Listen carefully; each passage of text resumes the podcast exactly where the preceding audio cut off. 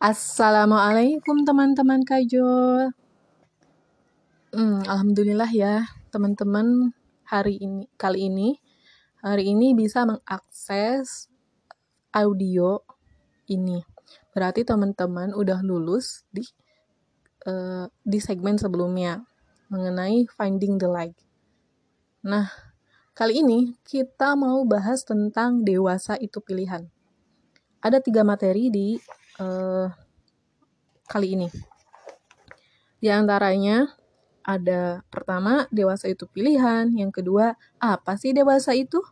Kemudian, dewasa itu ngapain aja ya? Oke, kita mulai ya dari dewasa itu pilihan.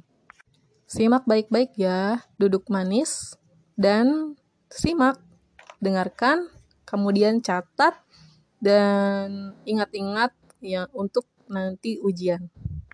Dewasa itu pilihan. Jadi gini ya teman-teman, sadar atau enggak ya, kehidupan yang kita lalui penuh dengan pilihan. Apa yang kita miliki, apa yang kita lakukan hari ini adalah hasil pilihan dari masa lalu kita. Coba kamu yang hari ini enggak bisa matematika. Yang ngerjain soal matematika rasanya sulit banget. Pertanyaannya, kamu ngalamin kayak gitu bukan tiba-tiba kan? Tapi karena kemarin-kemarin kamu nggak milih belajar matematika lebih sungguh-sungguh. Betul nggak? Buat kamu yang sekarang nyesel karena ngerasa nggak sebanding dengan teman-teman kamu yang bisa jadi juara di kelas, yuk perhatikan kira-kira kenapa bisa kayak gitu ya. Yaps, karena hari-hari sebelum hari ini, kamu malas belajar, kamu nganggep enteng belajar, kamu dilenakan dengan permainan, waktumu lebih banyak untuk sekedar berajojing ria, dan sebagainya. Baru nyadar, tiba-tiba kita udah gede, udah dewasa nggak ada yang maksa kita jadi dewasa ya. Meski memang secara fisik nggak ada yang bisa menghindar kalau dari bayi bakalan jadi kanak-kanak, terus remaja, atau dewasa. Lalu nanti akan tua. Tapi dewasa itu hanya perubahan fisik. Dari nggak ada jakunnya buat yang cowok, tiba-tiba ada jakunnya. Dari sebelumnya pipi mulus nggak ada jerawat, eh, kok pipi rasanya bergelombang alias si jerawat setia nempel di muka kita suara kita juga mulai dari ada perubahan. Terus rambut di ketiak juga pada muncul, dan seterusnya. Kalau tumbuhnya jakun, rambut ketiak dan sejenisnya itu emang pertumbuhan alami, hampir semua orang yang dari kecil menuju dewasa akan ngalamin hal kayak gitu. Sementara ya, kalau urusan dewasa, nggak cuma tumbuh secara fisik. Boleh jadi seseorang dewasa secara fisik, tapi gimana dengan secara psikologis? dan pemikiran. Nah, di sinilah yang penting kita bahas. Kenapa? Karena kalau tumbuh atau berubahnya fisik kita, maka Allah nggak bakal menghisap kita. Nggak bakal tuh minta pertanggungjawaban atas tumbuhnya rambut ketiak, jakun, dan sebagainya. Tapi kalau urusan kedewasaan, kita secara pemikiran, Allah bakalan minta pertanggungjawaban loh. Kok gitu ya? Iya, karena dewasa yang sesungguhnya dalam pengertian Islam adalah orang yang sejatinya sejak saat itu sudah dikenal taklif atau beban hukum. Alias biasa yang disebut mukalaf. Maka di fase inilah setiap pilihan perbuatan yang kita kerjakan bakal Allah minta pertanggungjawaban. Beda banget ya ketika kita masih kecil alias sebelum kita balik, Allah tidak membebankan hukum bagi anak kecil. Namun, ketika sudah dewasa, di situlah pembebanan hukum itu dimulai. Jadi, kalau ada pernyataan, aku sudah dewasa, sudah bisa nentuin mana yang benar dan mana yang salah, maka pernyataan itu nggak ada salahnya sih. Tapi, sayang sejuta sayang, kalau pernyataan itu cuma pemanis di bibir. Percuma kalau pernyataan itu dipakai teman-teman remaja untuk menghindar dari kekangan orang tua. Maaf ya, bukan nuduh, tapi memfonis. Hehehe. Emang kenyataannya banyak yang gitu kok, nggak sedikit teman remaja meski sudah dewasa, tapi masih suka salah pilih menentukan mana benar, mana yang salah. Teman-teman, sekarang kita udah gede dan dewasa, mampu menggunakan akal kita dengan sempurna. Atau akil balik Maka sejak saat inilah proses pilihan itu jatuh kepada kita. Mau jadi apa? Mau ke mana? Mau di mana? Itu semua tergantung pilihan kita. Orang di sekitar cuma bisa menganjurkan, menyuruh, menasehati. Selanjutnya kita yang ambil keputusan atas diri kita sendiri. Coba hmm, perhatikan dengan benar. Kalau pas di titik ini, saat kita sedang ambil keputusan, adalah momen yang super-super penting banget. Sedang seperti apakah kondisi kita saat di titik itu, sedang galau, nggak punya pegangan, pas nggak punya pengetahuan, atau takofa Islam yang mumpuni, atau pas nggak dekat dengan Islam. Nah, kalau salah satu kondisi itu terjadi pada kita, maka yakinlah pada saat itu akan hanya ada dua keadaan pada diri kita. Pertama, bingung menentukan pilihan, atau kedua, kita memilih pilihan yang keliru. Nah, sekali lagi ya, titik saat kita ambil keputusan adalah pada saat kita sudah balik atau dewasa, meskipun kemampuan untuk memilih bisa kita tanamkan sejak kecil sebelum balik ya. Tapi kalau kita bicara batas seseorang ketika dimintai pertanggungjawaban atas pilihannya, maka saat kita seperti sekarang inilah, saat kita sudah dewasa, saat kita sudah seharusnya menemukan jati diri kita. Biar lebih jelas ya, coba simak ilustrasi ini. Ada seorang anak kecil atau balita disodorin tiga buah, yakni buah apel, buah pir, dan buah kesemak. Terus, kita minta si anak kecil tersebut milih salah satu benda. Misalnya saja apel. Sebagai anak balita, awalnya bisa jadi ya, dia itu bingung memilih. Karena belum ada informasi sebelumnya. Atau maklumat tabikoh. Tentang ketiga benda tadi. Apalagi kalau misalnya si anak balita tersebut belum pernah sama sekali melihat fakta atau diperlihatkan ketiga buah tersebut. Dan ketika kita minta dia men menunjuk apel, bisa jadi dia milih apel. Akan tetapi bisa saja dia ragu-ragu, terus dia letakkan apel dan diambillah buah pir. Suatu saat dia ragu lagi, dia ke dia letakkan buah pir, terus diambil buah kesemek. Begitu seterusnya, sampai dia yakin kalau di antara ketiga buah itu salah satunya adalah apel. Sekilas ya, ketiga buah tersebut memang memiliki kemiripan. Tapi, ada ciri-ciri khusus yang membedakan ketiganya. Nah, informasi awal tentang ketiga benda tersebut menjadi penting bagi si anak balita tadi. Kemudian, dilanjutkan dengan memberikan gambaran atau fakta ketiga buah tersebut. Sehingga, kalau suatu saat kita coba lagi percobaan di atas, dan minta si anak kecil tadi, atau mungkin kita yang udah dewasa untuk menunjuk mana apel, maka tanpa ragu, anak kecil dan kita yang udah dewasa, yang udah paham informasi dan fakta apel akan tetap pada pilihannya. Kenapa bisa seperti itu ya? Hmm, karena otak kita sudah bisa mengaitkan antara informasi dengan fakta dari ketiga buah tersebut. Nah, ilustrasi di atas. Nah ya, informasi tadi coba ya kita bawa ke pembahasan tentang sebuah pilihan. Kita yang sudah akil balik atau dewasa, ketika diminta untuk membuat sebuah pilihan, maka akan sama kejadiannya. Jika kita tidak tahu atau tidak paham terhadap apa yang mau kita pilih, di mana ketidakpahaman itu muncul dari tidak adanya informasi tentang apa yang kita pilih, serta fakta seputar apa yang kita mau pilih maka kita akan bingung. Kalau misalkan ya, terkait hal yang lebih spesifik, ketika kita diminta milih jalan hidup yang baik ya, dan benar, yakni Islam, versus jalan hidup yang mungkin selama ini kita jalani, maka itu pun juga sangat tergantung dari pemahaman atau mafhum kita tentang Islam.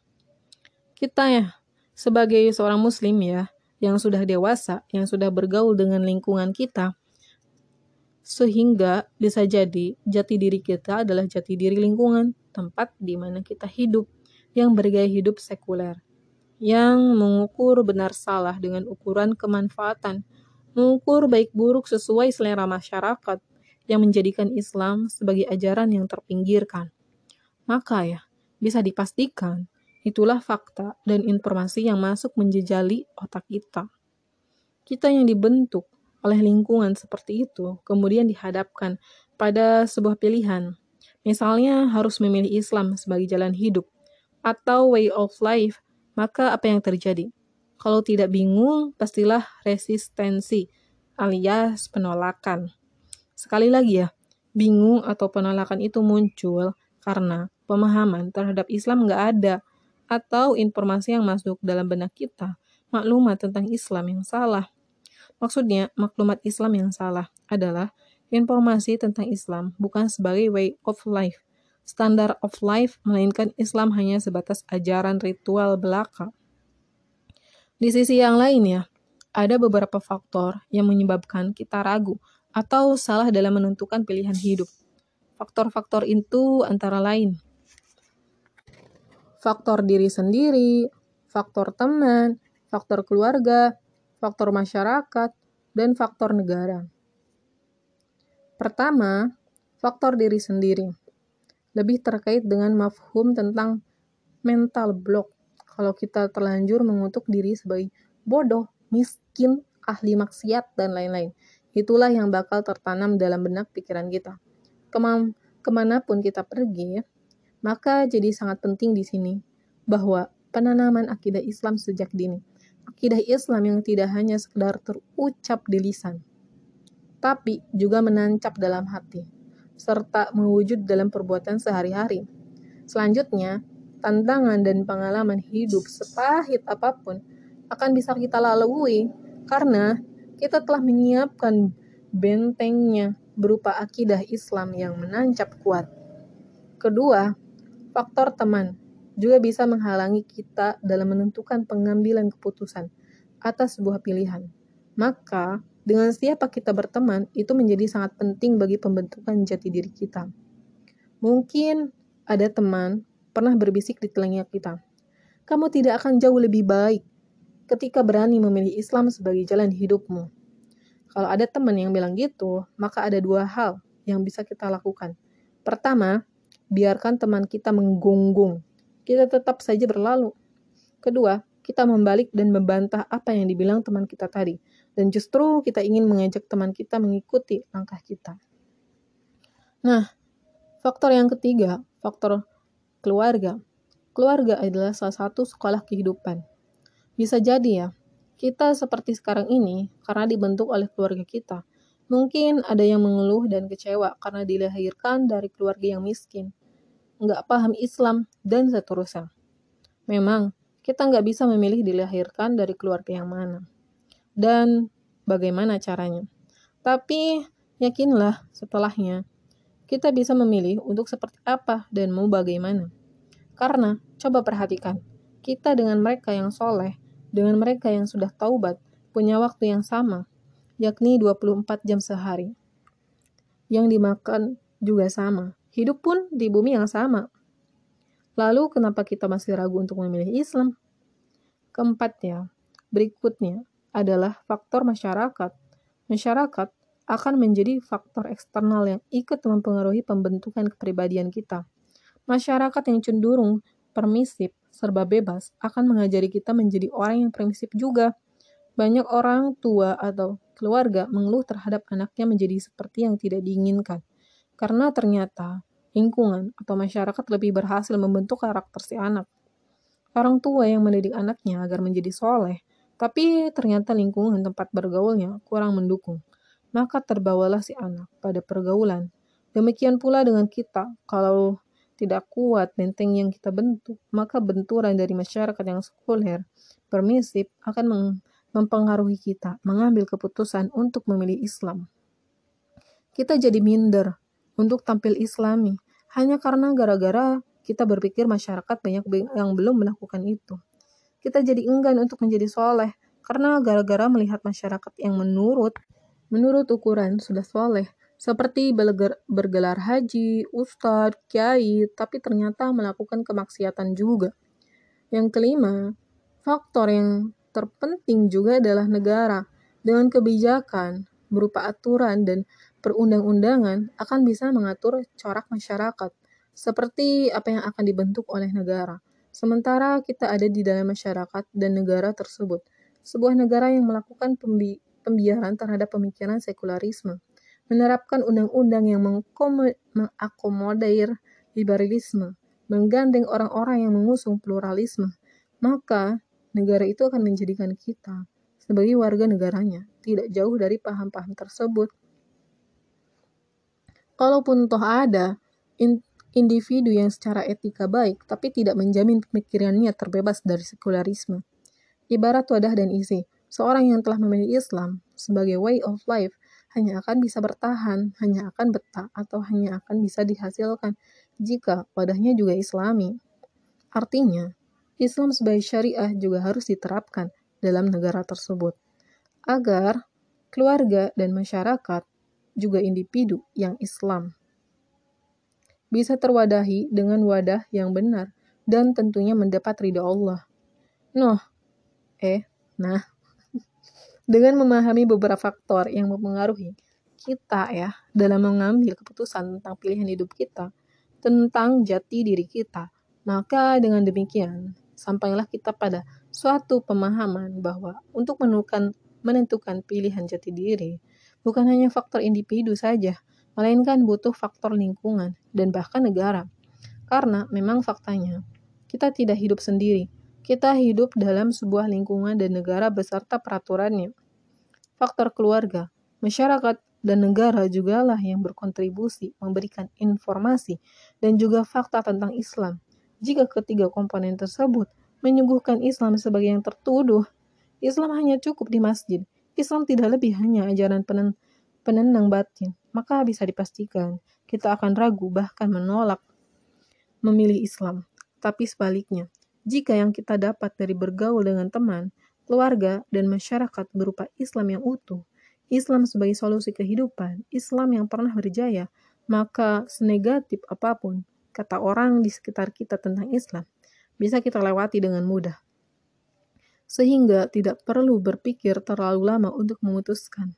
Sekaranglah saat yang tepat untuk membuat pilihan dan menjatuhkan pilihan hanya kepada Islam sebagai way of life. Allah berfirman, Bismillahirrahmanirrahim. فَإِذَا عَزَمْتَ فَتَوَكَّلْ عَلَى اللَّهِ Kemudian, apabila kamu telah membulatkan tekad, maka bertawakallah kepada Allah. Terjemah Quran Surat Al-Imran ayat 159